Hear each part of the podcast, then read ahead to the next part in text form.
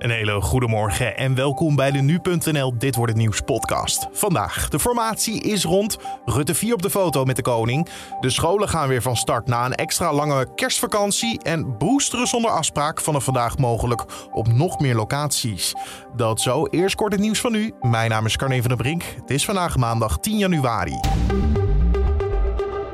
Goed oppassen vandaag, want het is glad buiten. Op de wegen kan ijzel zijn ontstaan en daarom heeft het KNMI code geel afgegeven. Dat geldt voor bijna het hele land en op het Waddengebied na. Uh, de gladheid zal naar verwachting pas laat in de ochtend verdwijnen. Daarnaast komt in het zuiden van Limburg dichte mist voor. En bij een brand in een flat in New York zijn 19 doden gevallen, onder wie 9 kinderen.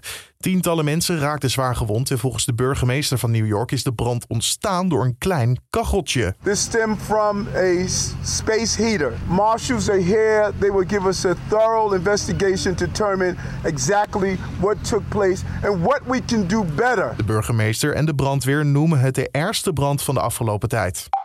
En nieuws voor treinreizigers, want er rijden vanavond minder treinen. Komt door de nieuwe dienstregeling van de NS. Er reizen namelijk minder mensen met de trein door de coronamaatregelen. En sinds half december waren er al een aantal trajecten in de avondnacht en in de spits geschrapt.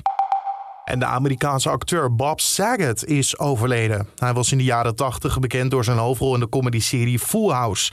Verder was hij ook lang de presentator van America's Funniest Home Video's. Waaraan hij is overleden is onbekend. Hij is 65 jaar geworden. Dan de agenda van vandaag. Na bijna 300 dagen is het moment aangebroken. Het nieuwe kabinet wordt vandaag beëdigd door koning Willem-Alexander. Vrijwel alle ministers van Rutte 4 zullen samen met de koning op het bordes staan. Alleen Sigrid Kaag ontbreekt vanwege een positieve coronatest. Iets na 11 worden de ministers en staatssecretarissen beëdigd. Zo rond 12 uur zal dan het fotomoment met de koning plaatsvinden. En rond half 1 is alles weer klaar. Omdat Kaag er niet in persoon bij kan zijn, zal zij digitaal beëdigd worden. Verder zal ze ontbreken op de bordesfoto. En het basis- en voortgezet onderwijs wordt weer geopend na een langere kerstvakantie. Het kabinet besloot de vakantie vervroegd in te laten gaan omdat de verspreiding van het coronavirus onder controle te krijgen. De sluiting gold voor de basisscholen, het voortgezet en speciaal onderwijs, het MBO, hogescholen en universiteiten. En deze laatste drie moeten voorlopig nog online onderwijs volgen.